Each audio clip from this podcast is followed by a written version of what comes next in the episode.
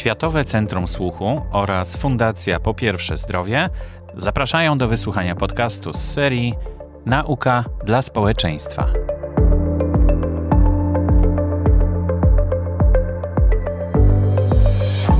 Przy mikrofonie Borys Kozielski witam serdecznie w kolejnej audycji z serii Nauka dla społeczeństwa. Dzisiaj e, przyjemny temat. Będziemy rozmawiać o muzykoterapii w rozwoju słuchowym człowieka. Myślę, że każdy doświadczył przyjemności słuchania muzyki, a jest z nami pani magister Barbara Kaczyńska, która jest koordynatorem zespołu muzykoterapii w Światowym Centrum Słuchu w Kajetanach. Dzień dobry. Dzień dobry. I profesor Henryk Skarżyński. Dzień dobry. Dzień dobry, witam pana, witam państwa. Chciałem się dowiedzieć, bo muzykoterapia kojarzy się z czymś właśnie przyjemnym, z czymś e, takim odpoczynkiem, ale może stanowić przecież e, sposób na leczenie. Co możemy wyleczyć przy pomocy muzyki? Muzykoterapia często jest mylona z dźwiękoterapią, e, czyli z terapią określonym dźwiękiem. W historii medycyny to pojęcie jest znane od starożytności. Już starożytni Grecy proponowali osobom, y, które cierpiały z jakiegoś powodu, na przykład z powodu szumów usznych, żeby y, mieszkały albo przebywały mm, pewien czas nad morzem. Morze wydziela bardzo dużo dźwięków y, i te dźwięki miały pozytywny wpływ na leczenie szumów usznych, na zmniejszenie odczuwania, negatywnego odczuwania Y, właśnie szumów usznych. Zwykle to chodziło o samoistne szumy uszne.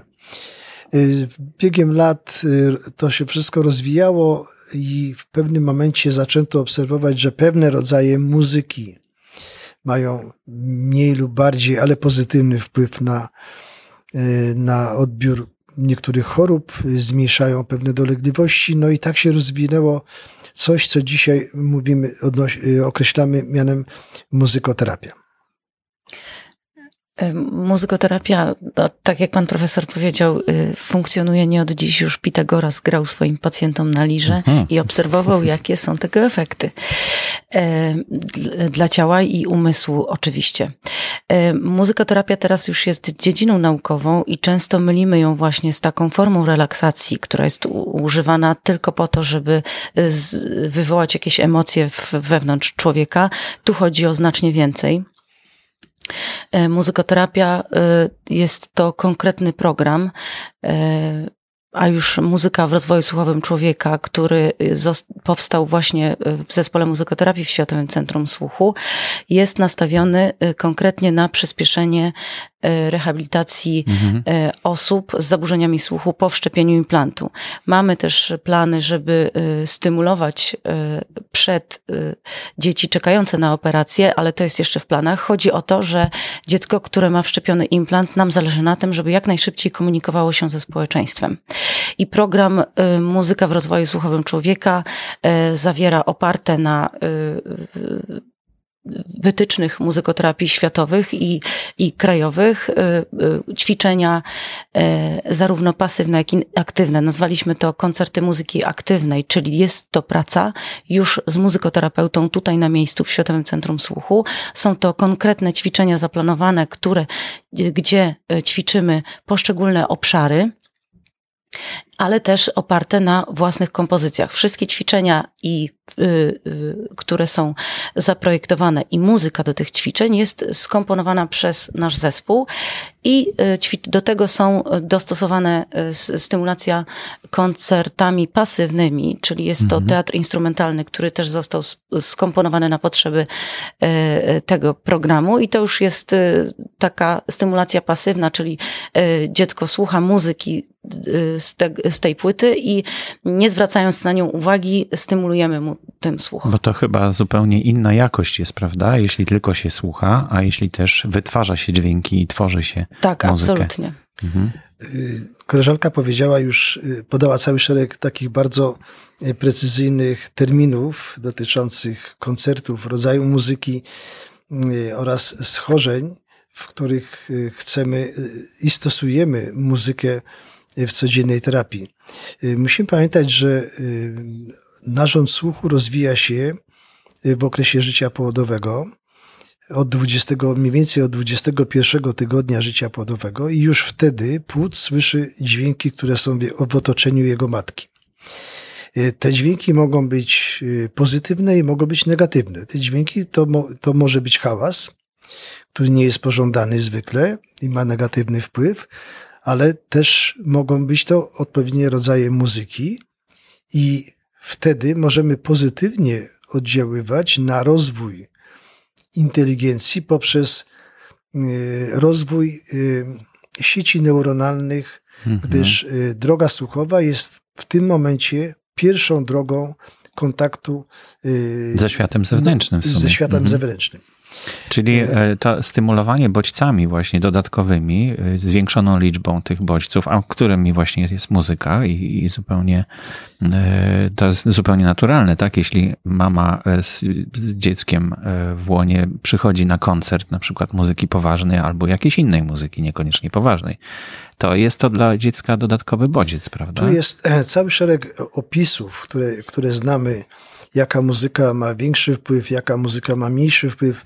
I nie chciałbym podawać recepty, bo to by oznaczało, że od jutra ileś matek by słuchało i by y, traktowało, że dzięki tej muzyce na pewno ich dziecko będzie inteligentniejsze po urodzeniu niż inne. Tak może być mamy też na to pewne dowody, natomiast mhm. to nie jest reguła.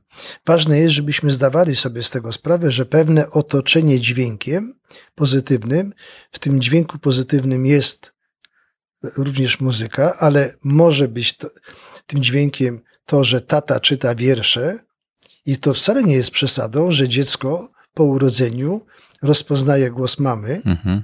z czego nie zdajemy sobie sprawy, ale będzie rozpoznawało również głos taty. Koleżanka e, powiedziała o wykorzystaniu muzyki podając pewne przykłady w rozwoju, y, w procesie rehabilitacji. Używa określenia, że stosujemy ją y, do wzmocnienia procesu rehabilitacji już u tych, które, osób, które albo urodziły się głuche, czy głęboko niedosłyszące, mhm. albo straciły wcześniej. Wszystkie te osoby muszą nauczyć się słuchać, na podstawie słuchu nauczyć się mówić i poznać, opanować jeden lub kolejne języki. Okazuje się, że pokazanie, pokazywanie obrazków, czym się posługiwaliśmy w procesie rehabilitacji, powtarzanie, pewne gesty są ważne, natomiast muzyka okazuje się, że jest o wiele bardziej skuteczna.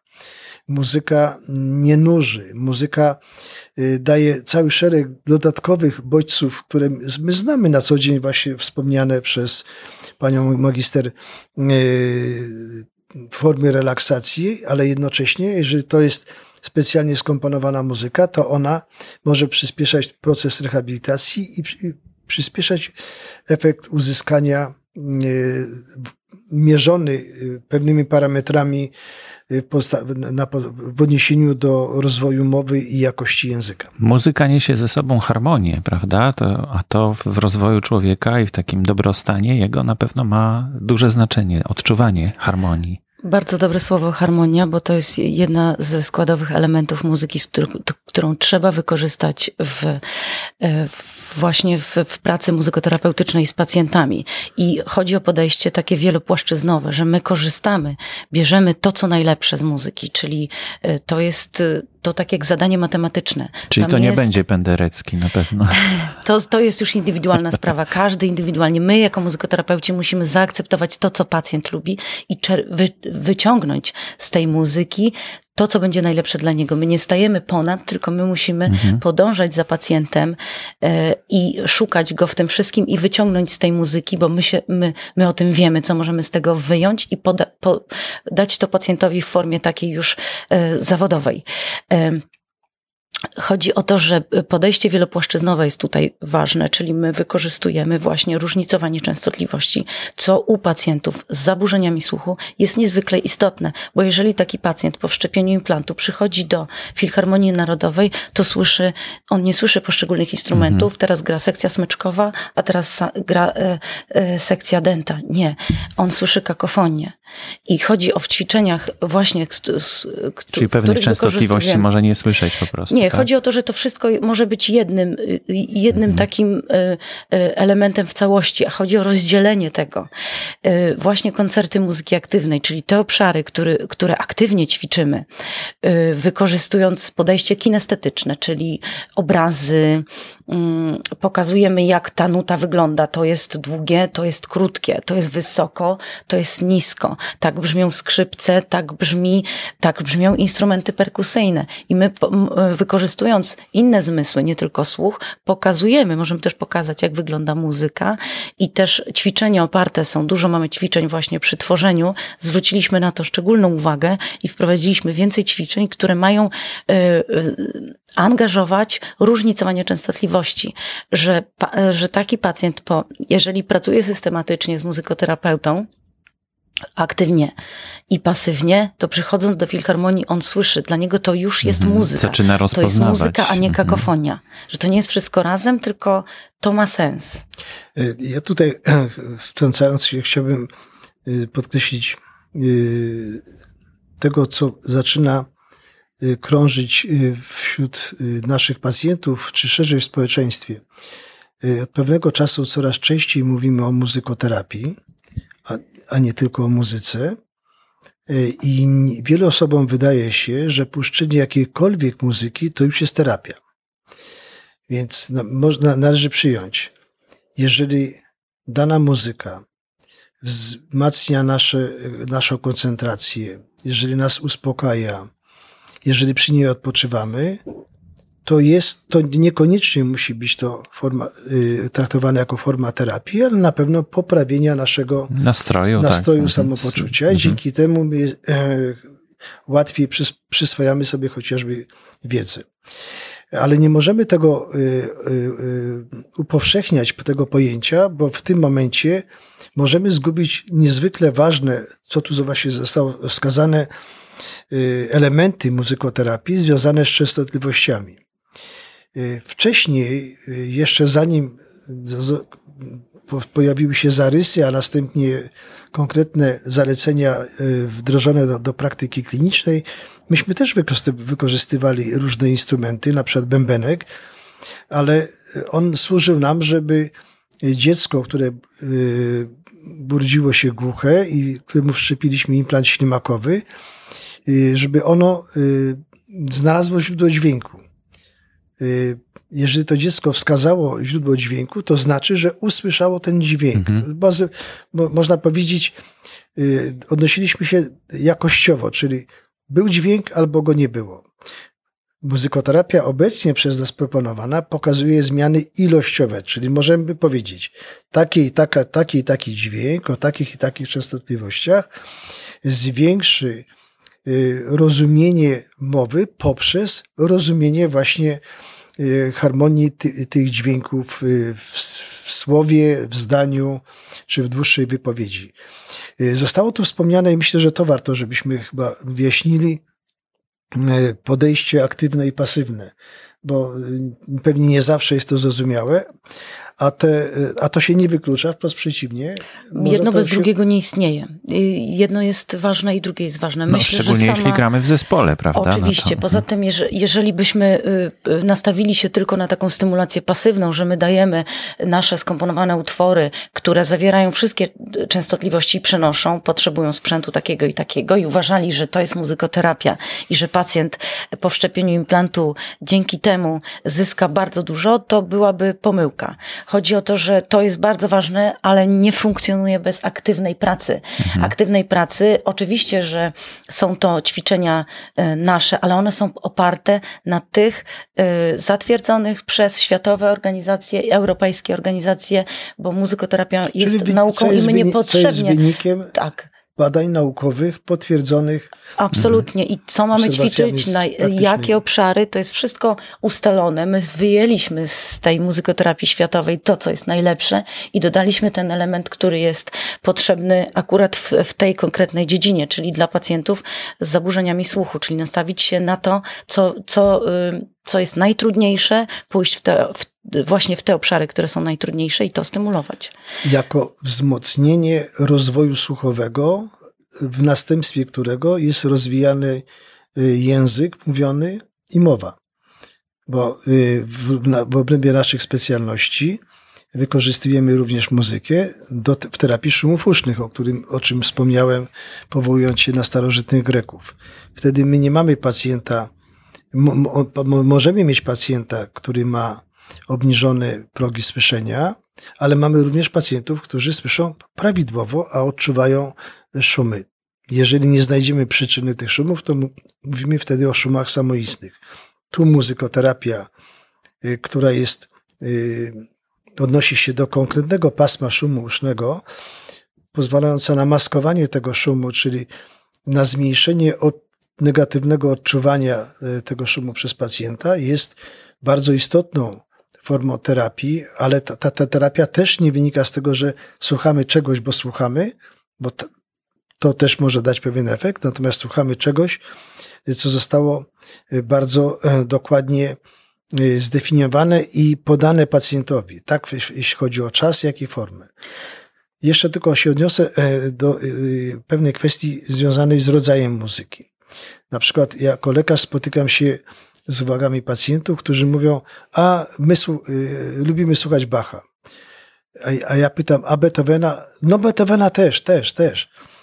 Y, no i od czasu, kiedy zaczęliśmy w naszym środowisku odnosić się między innymi do muzyki Beethovena, y, zaczęliśmy uświadamiać, że część utworów skomponowanych przez Ludwika van Beethovena jest w niskich tonacjach i że on, one są lepiej odbierane przez pacjentów. A to wynika między innymi z tego, że część naszych pacjentów ma zachowane tak zwane resztki słuchowe w zakresie mhm. niskich częstotliwości, czyli no ale te, te, częstotliwości też się czuje, prawda? To znaczy można je czuć poprzez wibracje nawet. Tak, tak. To, to jest mhm. jedno, ale, ale jak mają zachowane te resztki słuchowe i my wszczepiając implant zachowamy te resztki słuchowe, to one w sposób bardziej naturalny i szybciej odbierają Pomogą. te mhm. niskie dźwięki. Stąd na przykład y, kompozycje Ludwika van Beethovena mogą przynosić lepsze efekty w pierwszym okresie, ale niekoniecznie już w późniejszym muzykoterapii, kiedy my chcemy,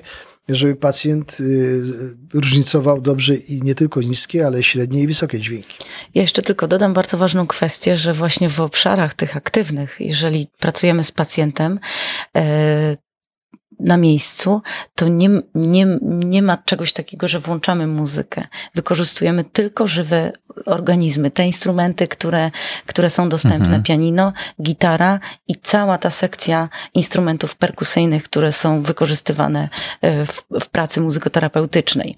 Jedyne jakiekolwiek włączenie muzyki, która e, jest pasywna, no to właśnie za pomocą tego teatru Mechanicznej tak, tak zwanej muzyki, tak? tak? Mhm. E, która, która właśnie pochodzi z, z teatru instrumentalnego. I jeszcze jeśli chodzi o rodzaj muzyki, oczywiście głównie opiera się zawsze na klasyce, że jednak tam jest najwięcej się dzieje tego, co można wyciągnąć pozytywnego dla, dla pacjenta. Jedni mówią o Mozarcie, inni mówią o Beethovenie i ka każdy może z każdej tej muzyki klasycznej można coś wyciągnąć. Ale, Ale jeżeli jest taka czy... sytuacja, że nastolatka i my jako muzykoterapeuci musimy to wszystko zaakceptować, no przychodzi i ona płacze i właśnie się dzieje jakiś proces w głowie, właśnie się coś ważnego wydarzyło na zajęciach i, yy, i, ta, i ona włącza i mówi, prosi o muzykę rockową, to my mamy to zrobić, bo to dla niej w tym momencie jest najlepsze. Próbowałem mhm. się e, wciąć w zdanie, przepraszam, e, ale czy to nie wynika z tego, że wszystkie te utwory klasyczne są oparte o muzykę filharmoniczną? czyli o wiele instrumentów. Wiele instrumentów. No tak, tak, to oczywiście, to są koncerty symfoniczne i tam I one są, dzieje. Jest to rozbudowane, to w związku z tym mamy y, dźwięki bardzo różnych częstotliwości, rzeczywiście bogactwo tych dźwięków dla kogoś, kto nie chce tego słuchać albo nie umie tego słuchać, może wcale nie być takie interesujące. Dlatego są osoby, które wolą coś y, typu techno, głośno, rytmicznie i to im wystarcza. No tak, w takim zespole wystarczą trzy osoby, dwóch gitarzystów, jeden perkusista, już, prawda?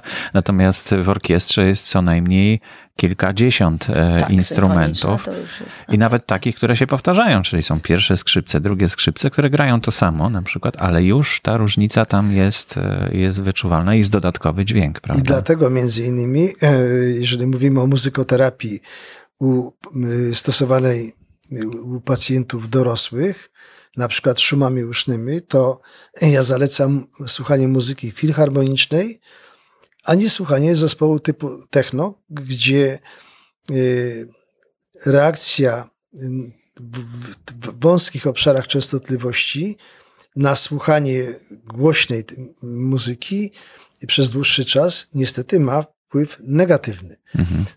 Ja nie chcę przestraszyć wszystkich tych, którzy y, tego teraz słuchają i powiedzieć, że słuchać mają nie słuchać, że jestem przeciwnikiem, bo nie jestem przeciwnikiem. Nawet używam takiego określenia.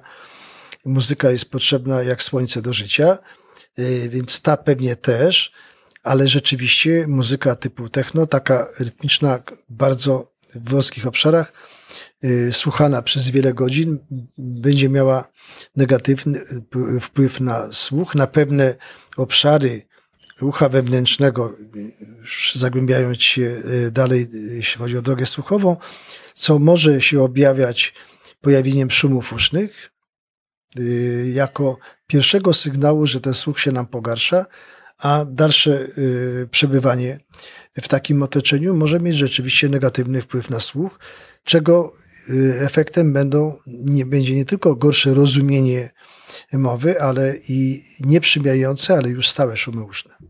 Mhm. No tutaj tematu nie wyczerpiemy. Tak e, ogólnie powiedzieliśmy o muzykoterapii, e, o tym, jak e, w rozwoju człowieka może ona zaistnieć. Mówiliśmy o chorobach, mówiliśmy o zdrowym człowieku. Myślę, że tutaj jest temat do rozwinięcia na kilka ładnych podcastów, bo inaczej będzie się mówić o muzykoterapii. W przypadku właśnie noworodka, tak, czy, czy dziecka, które jeszcze jest w łonie matki, też można stymulować e, to dziecko i umożliwiać mu kontakt ze światem zewnętrznym właśnie w ten sposób. Inaczej w przypadku dziecka, które odzyskuje słuch w wieku kilku lat, albo dorosłego człowieka, który po jakimś wypadku też na nowo próbuje odzyskać to, e, tą zdolność słyszenia, którą wcześniej miał. Mamy też jeszcze taki okres przejściowy. Rodzi się dziecko.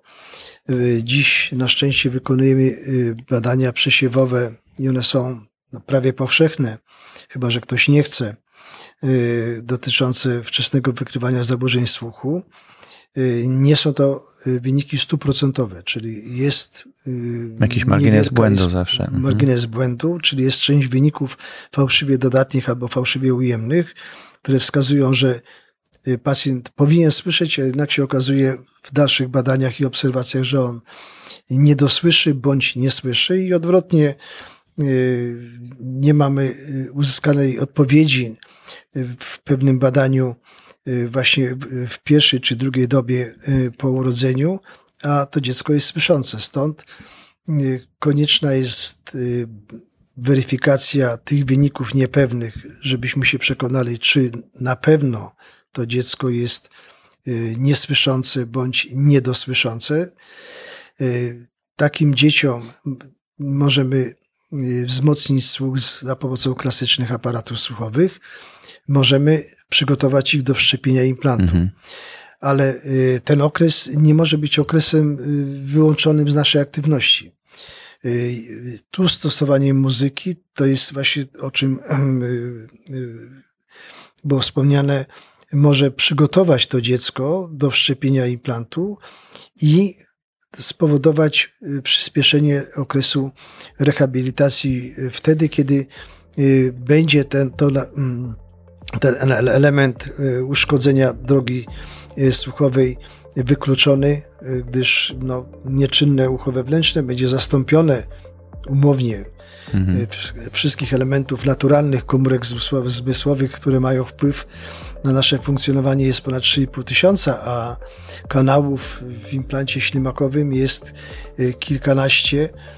Y, w związku z tym to nie jest to samo, ale dla osoby, która nie słyszała od urodzenia, to to, co usłyszy, to jest jej pierwszy. To jest cały nowy świat. Tak jest, i to jest mhm. dla niej naturalny słuch, i te osoby rozwijając Muszą się, się dalej, go nauczyć. Mhm. rozwijając się dalej, mm, nawet rozwijając się muzycznie, rozwijając swoje pasje muzyczne, y, nie tylko grają, ale i komponują i mówią, że no, innego słuchu one nie znały. Mhm. Profesor Henryk Skarżyński i pani magister Barbara Kaczyńska byli moimi gośćmi. Dziękuję bardzo. Dziękuję. Dziękujemy.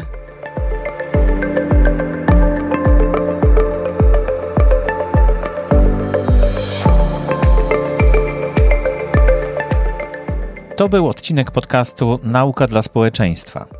Zapraszamy do kontaktu poprzez e-maila mam pytanie małpa ifps.org.pl.